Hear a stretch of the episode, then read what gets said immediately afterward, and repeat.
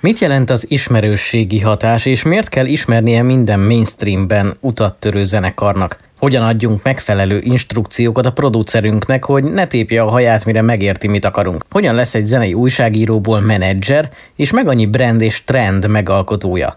Mizu, Mulatási, Pilvaker, a közös bennük a mentor következő vendége Vermes Orsolya. Vele beszélgetünk a következő egy órában. Következik a mentor. Add tovább. A mentor vendége Vermes Orsolya, zenei menedzser. Nagyon sokat beszéltünk már itt a mentorban az önmenedzselésről, és arról, hogy, hogy hogyan lehet felépíteni egy zenekarnak az imidzsét. Ennek szerinted milyen lépései vannak, mivel kell kezdeni, és aztán mik azok a nüanszok, ameddig el lehet egészen menni? Látja az ember ha, ha sok ilyet látsz, akkor végképp látod, de egyébként is szerintem, hogyha nem tudom, 70 éves anyukámat odaültetnénk is nagyjából meg tudná ítélni, hogy ez mennyire van egyben, mennyire önazonos. De érződik az, hogy milyen, milyen az, amikor valaki egész fiatal korától foglalkozik a zenével, és követ bizonyos zsáner előadóit, és megpróbálja annak a stílusnak a jegyeit levenni, és magáévá tenni, vagy milyen az, amikor valaki elmegy egy tévés tehetségkutatóba, mert véletlenül úgy gondolta fürdés közben, hogy ott volt a hangja a fürdőszobában, és akkor ott ráadnak bármilyen ruhát, ami a tévéműsornak jót tesz. Ilyenek mondjuk viszonylag ritkán kerülnek elénk az új előadói pályázaton. Ott tényleg olyanok jönnek, akik vagy fiatal koruk okán kvázi kezdők, vagy mondjuk már régebben vannak a szakmában, de csinálnak egy olyan felállást, ami egészen új és független és egészen más. Önazonosság, meg az, hogy zsigerileg egyrészt mi, mi az, ami jön, meg az, hogy, hogy mennyire látod azokat a stílusjegyeket, amire ő hajazni szeretne. Reklámos vonalon tanultam meg az ismerőségi hatás fogalmát, ami nem feltétlenül a, le, az ellopás és a kopizás jelenti, de nagyon hasonló jelentéstartalma van. Leginkább az, hogy hát valamire szeretnéd emlékeztetni a közönséget, akkor megpróbálsz azokkal a stílusjegyekkel, azokkal a színekkel, fényekkel, öltözködési formával, megjelenéssel, a hajjal, kiállással, a, a zenekari felállással, a hangszerek számával, jellegével, mienségével kapcsolatban emlékeztetni valamire. Hol és milyen platformokon keresed az új tehetségeket? Mit monitorozol?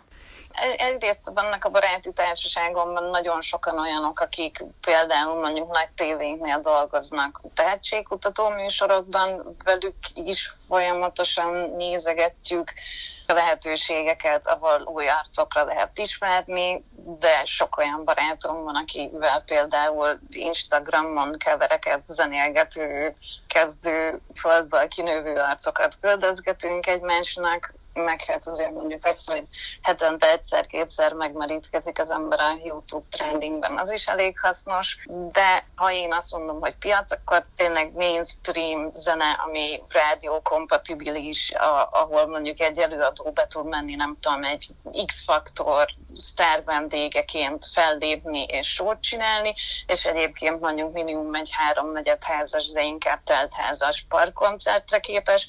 Nyilván van a piacnak az a szegmense is, ami kimondottan a YouTube-ról kinövő emberekre fókuszál, hisz nekik is tudnak lenni fellépéseik. Én velük kapcsolatban inkább érdeklődő vagyok. Mi a tapasztalat, mi a zenei trend ma Magyarországon? Milyen műfaj? YouTube-on nézzük, ott, ott az, egy, szerintem elég nagy szakadék van a rádiókompatibilitás és a YouTube trendingbe bekerülés között. Kevés olyan előadó van, mondjuk ott is inkább kimondottan a nagyok, tehát nem tudom, egy halott pénz, vagy egy well hello, akik meg tudnak ugrani egy trending jó helyezést. A YouTube-on én azt látom, hogy jelenleg a, az ilyen hip-hopos, rappes, annak is inkább kicsit az a trappesebb vonala, ami rádió, az meg értelemszerűen nem feltétlenül a fiatalabb divatkövető generációt követi, vagy az ő érdeklődésüket szolgálja ki, hanem ott mondjuk egy sokkal szélesebb korcsoportnak kell szólni, ahol inkább a kevésbé fület zavaró, kellemes, akár háttérzenének is alkalmas dolog mennek. A zenei tehetségkutatókat kik nézik elsősorban, és onnan kik kerülnek ki, milyen korcsoporthoz szóló zenék, és milyen korcsoporthoz szóló előadók? Hogyha ezt így lehet egyáltalán általánosítani, mert mondtad, hogy a Youtube-on lehet, elsősorban szerintem. a fiatalok. Igen, sőt, egyébként azt látom, hogy amikor az RTL nagyon bölcsen meglátta például, hogy hogy az, akik az X-faktort nézik, ha már X-faktoros példát hoztam, nem feltétlenül az a korosztály, akik már jelentkeznek oda. Egyre fiatalabbak lettek azok, tehát elmúltak ezek az ilyen 30 közepen 40-es Tabáni Istvánok, akik biztonsági örök voltak egy múzeumban, és egyszer csak beékerődött nekik, hogy lehet, hogy tudnak énekelni, és akkor ezt megmutatnák, hanem láthatóan az, hogy, hogy van egy közösségi média, egy TikTokkal, egy Instagrammal, egy YouTube-bal, az sokkal inkább megindította az egyre fiatalabbakat, akár 10 év vége, 20 év legeleje, akiket viszont a tévének kell, meg kellett találni a módját, hogy leültesse a tévé elé. Szerintem ők, én azt hittem, hogy ez egy sokkal hosszabb folyamat lesz, ahhoz képest, hogy mondjuk megérkezett, nem is tudom, a Flora Mizuval az internetre, és megmutatta az országnak, hogy van egy ilyen dolog, hogy internet, és mondjuk a az 50 pluszos generáció is elkezdte érteni ezt a szót, hogy internet, meg hogy ott mikre lehet rátalálni. Ez volt mondjuk 2011-ben, 10 év eltelt, viszonylag nagy utat jártunk már be. Például az RTL szerintem egy 3-4 év alatt ügyesen megugrotta azt, hogy, hogy a, az internetes zenehallgatók, azok, akik egyébként abszolút nem, nem hallgatnak rádiót egyáltalán, mert nem az a korosztály, akik azt akarják hallani, amiket eléjük tesznek, hanem sokkal inkább ők maguk mennek utána az olyan zenék fogyasztásának, amik nekik tetszenek, és nem mondjuk egy rádió alakítja azt, hogy nekik mit tetszenek, azoknak is elkezdtek tudni megfelelni. Mentor. A tovább. A járvány ráerősített most arra, hogy az online térbe kerüljön az új tehetségeknek a felfedezése? Nem feltétlenül gondolom, hogy a járvány ilyen szempontból beleszólna. Szóval szerintem az akkor fog kiderülni, amikor beindul az élet és újra elkezdenek fellépések lenni. Nekem az a, az a gyanúm, hogy ugyanazok a, a nagy előadók lesznek innentől is a nagy előadók, azok, akik mondjuk egy kisebb közönséget tudnak vonzani, azok meg pont ugyanazok lesznek, akik nem tudom, négy-öt évvel ezelőtt is. Nyilván mondjuk az olyan fellépők körében, akik uh, diszkó haknikat vállalnak, és ebben nincs semmi pejoratív mellékzönge, az is egy módja a közönség az eljutásnak. Ott lehet, hogy lesz, mert az sokkal inkább egy olyan szegmens, akik, akik hajlandóbbak reagálni az aktualitásra. Nyilván azokat fogják hívni, akik éppen aktuálisak, és mondjuk az interneten jól mennek. Látom, hogy az interneten erős valaki, az egyáltalán nem azt jelenti, hogy egy, akár egy akva kis halt 650 fölött össze tud magának kerebézni. Neked régebben volt olyan zenekarod, ami nagy hatással volt rád, és követted őket? Ó, hát én még az MTV generáció vagyok, viszonylag öreg vagyok. Nekem volt, de hát ott, ott én még nem tudom, hogy ez a szerencsés vagy a szerencsétlen, nyilván mindenkinek a saját gyerekkora jó, és a, a, a ré, bezzeg a régi szép idő. Én azt gondolom, hogy még egy olyan, olyan világban, vagy egy olyan érában tudtam felnőni, ahol az, hogy egy-két olyan csatorna volt, ahol eljutott hozzánk szórakoztató tartalom, milyen nem zene, az azt jelentette, hogy mindenki nagyjából ugyanazt ismerte, és abból kellett kiválasztani, hogy kit szeressen az ember, sokkal közösségibbé tudott így válni szerintem a zenefogyasztás, mint most, amikor Spotify-on bárkit meghallgathatsz bárhonnan, és az sem biztos, hogy az életben fogod őket látni élőben. Ettől függetlenül én mondjuk gyerekkoromban borzasztó nagy New Kids on the Block, aztán Backstreet Boys rajongó voltam. Sokszor gondolkodtam, hogy azért mert a környezetemben főként fiúk voltak, akik rockzenét hallgattak, és csak azért is fiúcsapatokat szerettem, de ettől függetlenül az, hogy azért MTV-n felnőni, ott rendesen benne volt a pakliban az, hogy főként brit angol száz zenekarok felé fordult az ember figyelme, elég nagy brit pop rajongó voltam, Oasis, Blur, ilyesmik, Ash, ú, imádtam az Ash-t.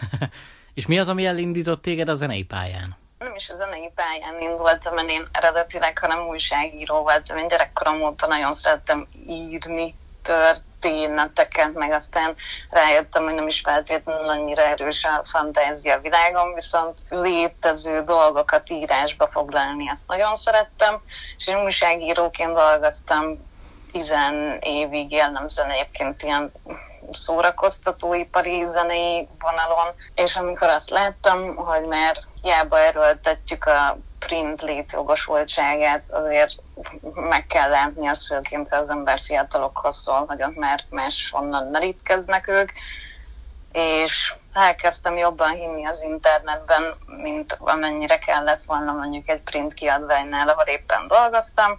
Ott elkezdtünk foglalkozni az SP nevű előadóval, és amikor találtam a munkahelyemről, azt gondoltam, hogy nekem valamit az internetre kell csinálnom, akkor pont úgy állt össze, hogy az SP-nek meg szüksége volt valakire, elkezdtem vele dolgozni, aztán időközben beláttam, hogy vele tök jó internetre alkotni, csak akkor még mondjuk anélkül, hogy ismertük volna ezt a szót, hogy virális, meg azt, hogy mém, éreztem azt, hogy azért az internet az inkább a kreténség fullba nyomásáról szól, mint hogy az ember túl komolyan megye magát. És szerencsémre az SP által megismertem a Fluort, akire meg társam volt ebben, és vele megcsináltuk aztán a Mizu című dalt. És aztán be is jött? Be, be is jött. Nem menedzsernek képzeltem magam, hanem egyszerűen csak volt egy vízióm arra, hogy validálni kell az internet jelenlétét, mert nagyon lassan történik itt van, és igenis ez egy platform, és azt éreztem és láttam, szerettem volna valami olyat kialakítani, ami meg tudja azt mutatni, hogy igenis egy másik felületről is ki lehet nőni, és mi sokkal inkább az internetet próbáltuk a kiemelt platformnak használni, és inkább a kiegészítő tartalmakra volt tökéletes segítség nekünk a tévé meg a rádió. A Mizu című szám hogy született meg erről? Jó, hogy született meg a Mizu, vagy a Fluor, aki jött rapből, a rap akkor tájt vagy előtte egy abszolút egy szubkulturális műfaj volt, körülbelül az Animal Cannibalism meg a Sam Basemasteren kívül kevésen rapper volt, meg te Gangsta Zoli,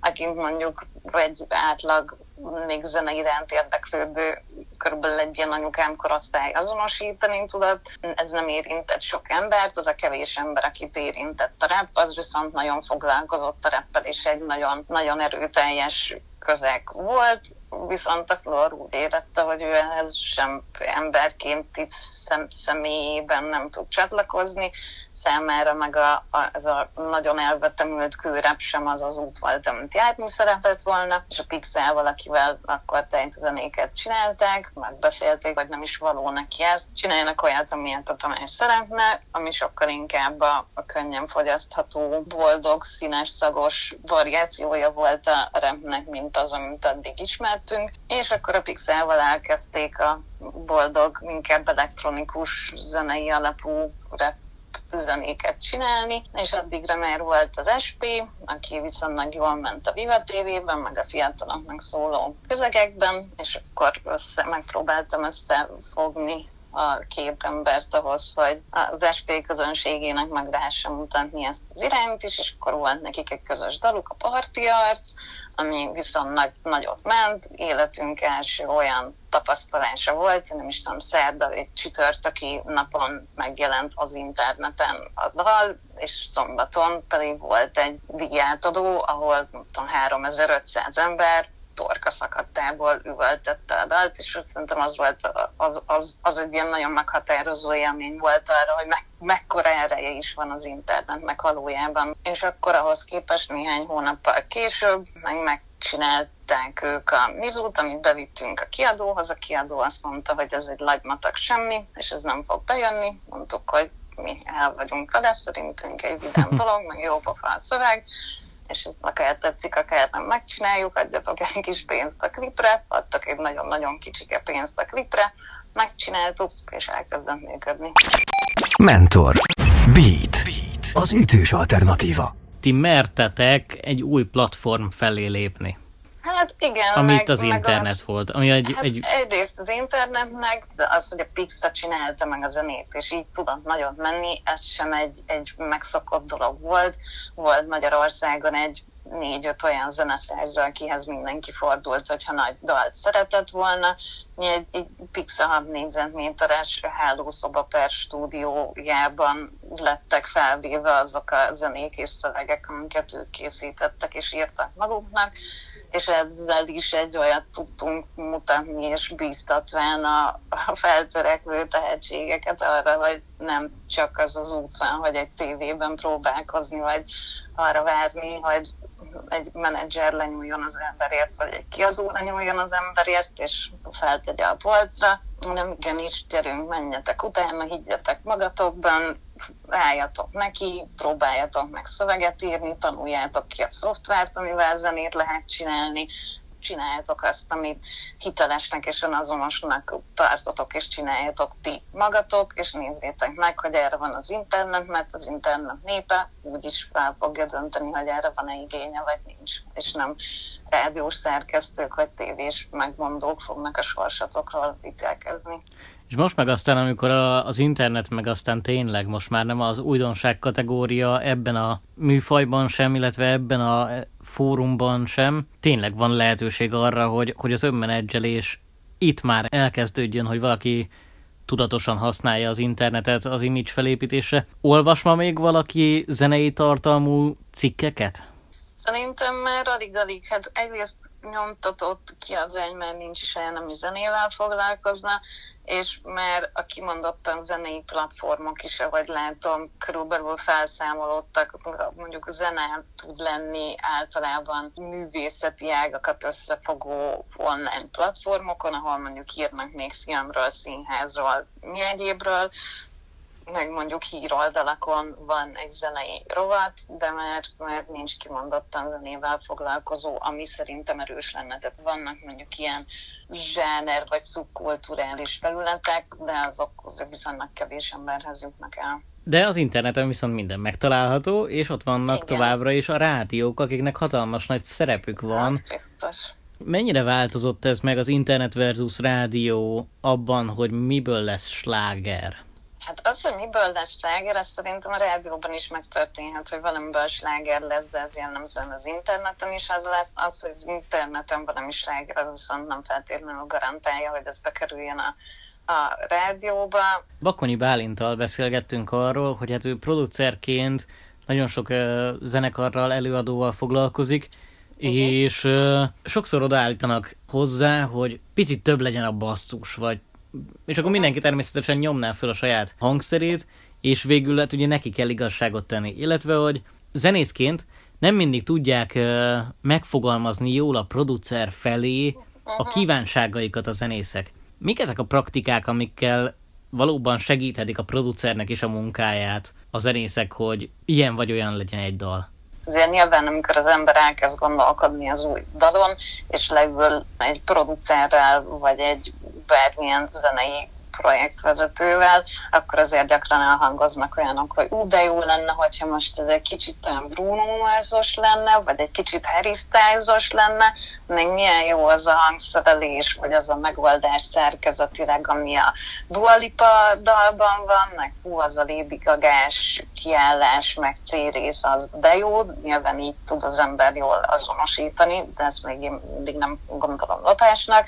Nyilván, hogy az embernek valami tetszik, mint előadó és alkotó, és azt gondolja, hogy ez egyébként pont, pont egy olyan jellegű dolog, ami által magát is azonosítani szeretné, akkor egy arra hajazó valamit fog csinálni, nem azért, hogy azt ellopja, hanem mert szeretném megmutatni, hogy mi az, amivel ő a legjobban tud. Hát szerintem nagyon sok mindentől függ. Van, van az a dalkészülési metódus, amikor inkább azok szerintem, akik az ilyen hobbizenélős, megvalósítós vonalon vannak, ők azok, akik összejönnek a kis próbatermükbe, és közösen kitörpölnek dalokat, amit közösen hoznak létre, amit közösen úgy éreznek, hogy amilyen közös, nem is tudom, energiákat, rezgéseket a legjobban le tudja képezni. Ott azért egyel, egyel legkonkrétabb szerintem is, amikor az ember elmegy egy producerhez, ott, ott már azért nagyjából van egy dal, ahol, ahol kevesebb instrukció van, az, az már inkább ilyen szakmai jellegű, hogy tényleg akkor milyenek legyenek az arányok, vagy mit kéne még vajon hozzárakni, milyen hangszert, milyen soundot, hogy az olyan legyen, amit elképzeltek. De látok olyan példát is, hogy mondjuk egy 10-15 dalt összeszed az ember, és az azt hívjuk mateknak, ahol az van, hogy oké, okay, akkor nekem innen nagyon-nagyon tetszik ez a szinti hangzás, itt szerintem nagyon jó az, ahogy a bridge felvezeti a refrém, tetszik az, hogy akkor ott csak egy félkör valami van, itt ez a, a lábdob az zseniális, és nem tudom, és akkor van egy jó adag olyan tényező, amit az ember összerak, nem gondolom azt, hogy abból már egy kézzel tud születni, de hogy ott, ott az már egy ilyen viszonylag biztos alap tud lenni. Mentor. Add tovább. A hangfoglaló programban tudtál gyakorlatias dolgokat mondani a zenekaroknak, akiket menedzseltél, illetve akikkel foglalkoztál mentorként? Leginkább a hasznomat én a Margaret ellennél éreztem. Nagyon nehéz szerintem, vagy nekem legalábbis nagyon nehéz a, a, ebben a mentorprogramban, az új előadóknál, hogy sokszor ezek tényleg teljesen pályakezdő arcok, és én bármennyire is érzem azt, hogy mert lementem annyira annyira alapinformációba, és már magamat érzem kellemetlenül, hogy ilyen dedósan magyarázok, és azt hiszem, hogy ez, ez már, már nyilvánvaló kell lennie, hogy mi az, amiről beszélek, de ez még mindig bőven messze van az értelmezhetőségtől, amit ők fel tudnak fogni. Nem azért, mert nyomorultak, hanem azért, mert nincs meg az a gyakorlati tapasztalatuk, amiről próbálok beszélni. A Margaret Adamdel volt ez a szerencsés helyzet, hogy onnan a, a Füstös Bálint, ő korábban zenélt a Biebersben, őt például ismertem a, a Biebersbe, nem, nem ezért kapták meg a, a lehetőséget, én nem is zsűriztem őket, viszont nagyon örülök, hogy ott mentor tudtam menni, ott például arról beszélgettünk, hogy szerintem milyen jó ötlet az egyik klipjükbe kitalálták, hogy akkor ilyen, ilyen hajtogatott hajókat tesznek, és javasoltam, hogy szerintem ez akár mondjuk egy logóban is megjelenhet, mert mostanában, amikor már az ember annyi féle ingert kap, és annyi különböző helyről gyűjtheti be az információkat, nagyon kicsi az esély arra, hogy olyan dolgot tudjon mutatni, amit sokan ismernek, viszont hogyha visszamegyünk egészen gyerekkorig, mert az óvodában szerintem anyukám és én és a mellem 20 évvel fiatalabbak is ugyanazokat a játékokat használják, ugyanazt a csákót, hajtogatott hajókát, nem tudom én mit hajtogatott, bontogatják ki papírból, hogyha egészen a gyerekkori és ilyen kvázi ösztön szintű dolgokig megyünk le, az mindenkiben hasonló lesz, használjunk ilyen elemeket. És ők például értették, és szerintem a mai napig is ott van a logójukban a hajtogatott papírhajó. Nehéz megítélni egy produkciót mondjuk egy videóklip alapján? Vagy mi az, amiből te meg tudod állapítani azt, hogy az adott produkció az igenis tehetséges, és méltó arra, hogy bekerüljön akár a programba, vagy méltó arra, hogy, hogy foglalkozzanak vele? Itt én a saját szempontjaimat tudom mondani, és egyébként azért is szerencsés helyzet, hogy ilyen sokan vagyunk zsűri tagok, mert itt van a klubos szervezőtől kezdve a menedzseren át az akár zenei újságíróig. Az én szempontjaim például azok, hogy vajon a piacon meg tudná állni a helyét. Egy előszűrésnél azt nézem, hogy milyen a zene, milyen az előadásmód, milyenek a, a formák, mennyire veszik komolyan ezt az egész projektet, ki van-e valamennyire találva a produkció, akár vizuálisan, stylingban, bármilyen egyéb szerintem fontos szempontból, ha úgy érzem, hogy ebből akár lehet valami, akkor mindenképp átengedem azon a szűrőn, és javaslom élő meghallgatásra. Aztán az élő meghallgatás viszont viszonylag nehéz, egyrészt azért reggel 9-től este 7-ig fél óránként üvöltő zenében ülni, úgyhogy ez ez nyilván nem egy vodka szódával a kézben történik, hanem ott figyelni kell. De hát még azért inkább szerencsésebb helyzetben vagyunk, mint azok a szegények, akik mondjuk reggel kilenckor oda kell, hogy jöjjön üvöltve metált hörögni, vagy akár nem is tudom, élete produkcióját nyújtani nyilván ezt is figyelembe vesztük, hogy azért egészen más 10-12-15 embernek előadni, akik feszülten figyelnek és homlok összeráncolva nézik a produkciót, ellentétben azzal, hogyha mondjuk ott a saját közönségük lenne, aki egész más jellegű visszajelzést ad. Mondjuk sok olyan eset van, amikor azt érzem, hogy, hogy annyira, annyira ez a lelkes, nagyon magabiztos, tini mentalitáson azért mindent tudok, mert már három perce volt gitárra kezemben, ott mondjuk nehéz, nehéz értelmes észérvekkel falakat áttörni, ott azt tudom elmondani, ami szerintem van, aztán vagy megfogadják, vagy nem. Ők voltak az egyetlenek, akiket mentoráltál? Nem, volt még rajtuk kívül a Flatband, vagy akkor Flatband nevű csapat, akik aztán Palace néven folytatták, és azt hiszem jelenleg Palace néven futnak. Volt most legutóbb egy Long Story Short nevű ilyen punk rock-szerű zenét játszó csapat. Újságíróból lettél menedzser, mentor. Honnan, hova jutottál? Miket tanultál ezek alatt az évek alatt? Hiszen azért teljesen más írni egy zenekarról, vagy egy zenei eseményről, mint aztán menedzserkedni és mentorkodni. Eltelni a másik oldalra. Igen. Um, szerintem szerencsés helyzet, hogy én újságíró voltam, mert tudtam azzal a feljel gondolkodni. Nekem mondjuk alapvető hozzáállásom, hogy, hogy tudom, hogy kikhez szeretnék eljutni, és így visszafelé pörgetve a folyamatot csináltuk a Pixelvel néhány éve a Buli Báró című projektet, ez alapján viszonylag jól le tudom vezetni, hogy mire gondolok ott nem a Pixar művészi megvalósulásáról volt szó, hanem arról, hogy kérte többször, hogy ő szeretne most már nem csak producerként, hanem DJ-ként is funkcionálni, mondják neki valami ötletet, hogy ezt hogyan lehetne megtenni, teltek a hetek, hónapok, aztán egyszer csak felhívtam, hogy mi lenne vagy a kis grófóval valamit csinálnánk, azt látom, hogy bárhova megyek, bármilyen jellegű és jóformán korosztályú közegben, ha elhangzik ez a szó, hogy nézését, akkor mindenki elkezd skandálni, hogy meg a járását,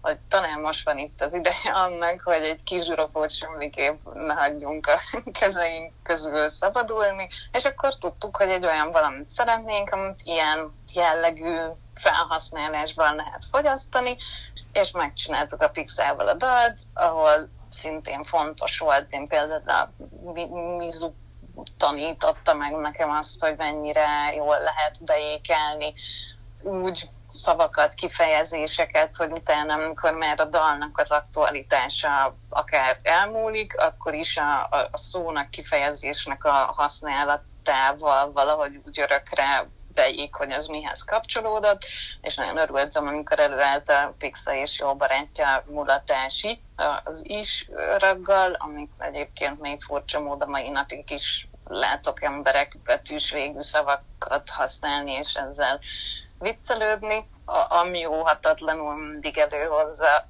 azt, akár még ha az ember bele se gondol, hogy ez a buli báróból jött. Mentor. Beat. Az ütős alternatíva. Mire vagy a legbőszkébb? Um, zenei téren nagyon, nagyon sok minden, de egyébként van egy Pilvaker nevű rendezvényünk, amit, amit évek óta csinálok, talán arra a leginkább. Nekem a Pilvaker egy ilyen szerelem gyerekem, az elejétől csináljuk együtt a, a Red Bull-lal. Hogy született a, meg a Pilvakernek az ötlete? Aki most marketingvezető a Red Bullnál, ő, ő marketing gyakornok volt még jó néhány évvel ezelőtt, akkor volt Red Bullnak még egy sport marketinges vonala és egy kulturális, és a kulturálisan kezdett dolgozni, és egy, egy szerető fiú volt, és egyszer egy megmulatott testén valahogy így kiesett a száján, hogy reppeljenek Petőfit, és beírta a telefonjába, a jegyzetekbe, hogy aztán ne felejtsem. És akkor a Red Bull szerencsére nyitott volt, és támogató, és azt mondta, hogy oké, okay, akkor csináljunk meg, nézzük meg, mi lesz. És az első alkalommal ez még egy verseny volt, rap és slam kategóriákban lehetett jelentkezni, ott, ott még inkább, mint egy ilyen baráti néző vettem részt, aztán kimaradt egy év, és utána már az Erkelben előadásként ért vissza, ott, ott meg már ott voltam szervezőként az Ákos mellett. Nekem mondjuk a büszkeségem nem is feltétlenül az, hogy, hogy sikerült, is tudom, 7-8 év alatt egy 150 fős eseményből egy olyat csinálnunk, amire tudom, három negyed óra lett elmegy 12.500 jegy az arénába menni, nyilván ez is nagy dolog. Nekem inkább az, az, hogy az a célkitűzésünk, hogy az irodalmat megpróbáljuk egy kicsit közelebb hozni a, a fiatalokhoz, és ne azt érezzék, hogy minden, ami az iskolában tanulandó, az egy hülyeség, és csak nyomasztva vannak vele, és kötelező, és nincs kedvük, hanem próbálják meg azt látni, hogy igenis annak van értéke, és hogyha az úgy van kezelve, hogy, hogy azt az a korosztály is értse, akkor meg tudja benne látni magát, a, a világ folyásában azt, hogy attól, hogy valami 150-200 évvel ezelőtt történt, az nem biztos, hogy annyira más volt, mint ami jelenleg van, akár a szűk, akár a tág környezetében nagyon sok olyan visszajelzést kapunk, hogy iskolákban csinálnak. Minipilva kereket, hogy ez elindított embereknél olyat, hogy hogy felé forduljon, hogy akkor nem tudom, kitanuljon egy zeneszoftver kezelést ahhoz, hogy egy alapot tudjon csinálni, hogy meg tudjon zenésíteni egy verset,